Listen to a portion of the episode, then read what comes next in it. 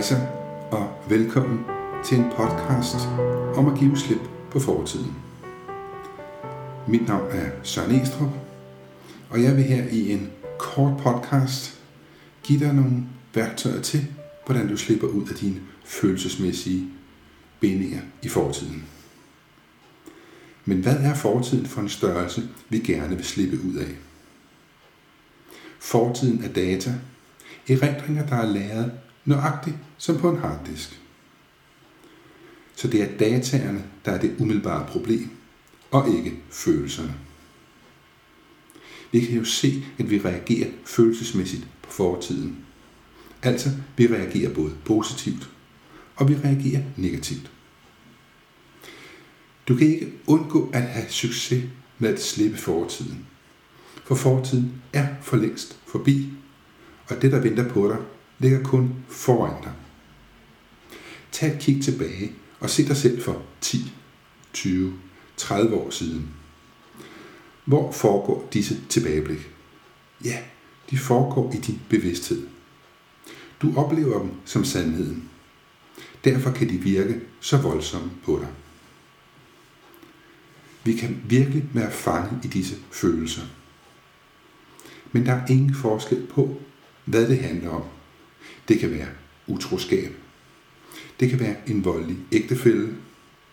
Det kan være økonomisk snyd af en tidligere ægtefælde. Det kan være mistet kærlighed, altså ulykkelig kærlighed. Det kan være misbrugt som barn. Eller det kan være jalousi, som du gerne selv vil ud af. Måske siger du, Søren, der er forskel i mit tilfælde. Men nej, siger jeg, det er blot din opfattelse. Denne opfattelse, som du har lagt så meget energi i gennem så lang tid. Det utilgivelige er den stemme fra fortiden, du forsøger at virkelig gøre ved ikke at give slip, ved ikke at tilgive. Ja, der findes mennesker, der ikke ønsker at slippe ud af disse følelser. Og årsagen kan måske være, jamen, så får den anden jo ret. Eller, jamen han eller hun har ødelagt mit liv. Eller, jamen så har jeg jo tabt. Eller, så har han eller hun jo vundet. Eller, jeg har ret til at dømme ham eller hende for det, de har gjort imod mig. Det er således styringen af dit eget liv, du ønsker, og ikke at få ret. Opgaven og problemstillingen i at være fastlåst i fortidens hændelser er at neutralisere den effekt, disse data har på dig. Det kan virke som om, at det er umuligt at slippe ud af disse følelser, men nej. Det er let, når du først tager mod til. Når du først tager mod til, at disse erindringer ikke mere skal styre dit liv. Det, der faktisk sker, er, at de data, du har, konstant kører rundt med dig. Så se min illustrerede video, der hedder Frygt, Ego, Tryghed og Universet. Så vil du forstå, hvordan dataerne konstant spiller dig et pus, og hvorfor du har svært ved at høre stemmen fra din egen guddommelighed. Hvis du vælger eller tidligere har fået hjælp til at lægge låg på, sker der blot det, at låget på et tidspunkt springer af, og følelserne vil opleves med fornyet kraft. Jeg møder mennesker, der udtrykker, at de ikke mere følelsesmæssigt bliver berørt. Men når vi krasser lidt i det, var det blot fordi, de havde overbevist sig selv om, at det blev de ikke mere. Altså, de havde lagt låg på. Så der skal andre værktøjer til for at neutralisere disse data. Noget af det allerførste, der skal gøres, det er at kigge på disse data. Altså kigge på disse erindringer. Ja, der skal mod til at kigge på dem. Og ja, det kan gøre ondt at kigge på dem. Derfor er flugten ofte den vej, der vælges. Du kan ikke slette dine erindringer, så de ikke er mere synlige. De er et spor, du har efter dig.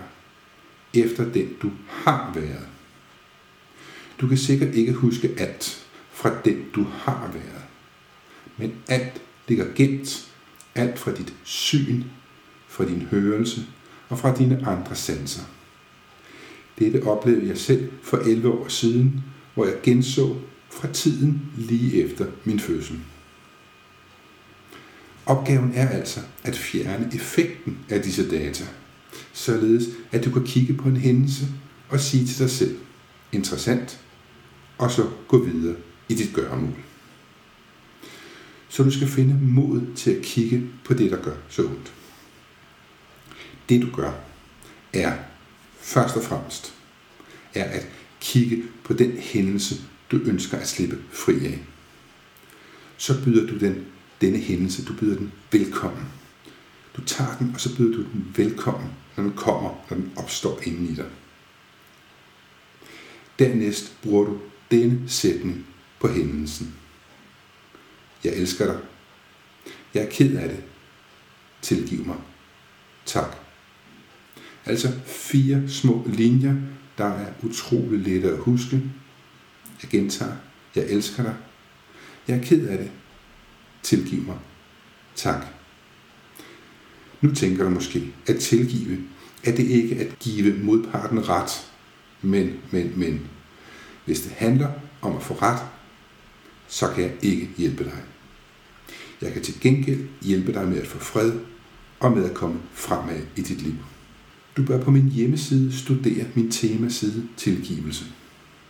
Ikke blot læse den, men over en måned eller to gå tilbage og lære igen. Lytte til videoerne. For hver gang du kommer tilbage til siden, efter at have arbejdet med det, jeg lærer dig, vil du forstå på en ny måde. En fælde kan være at sige til dig selv, det er svært det her, Søren. Så vær opmærksom på, at du ikke falder i denne, det er svært fælde. Det mest effektive, jeg har stødt på, er Ho'oponopono til at afkode data. Så læs også alle siderne inde på min hjemmeside om Ho'oponopono. Og husk siden FAQ, altså jævnligt stillede spørgsmål. Tilbage er der kun, at jeg ønsker dig lykke med at leve dit liv, og jeg ønsker dig fred i sindet, ud over alt forståelse.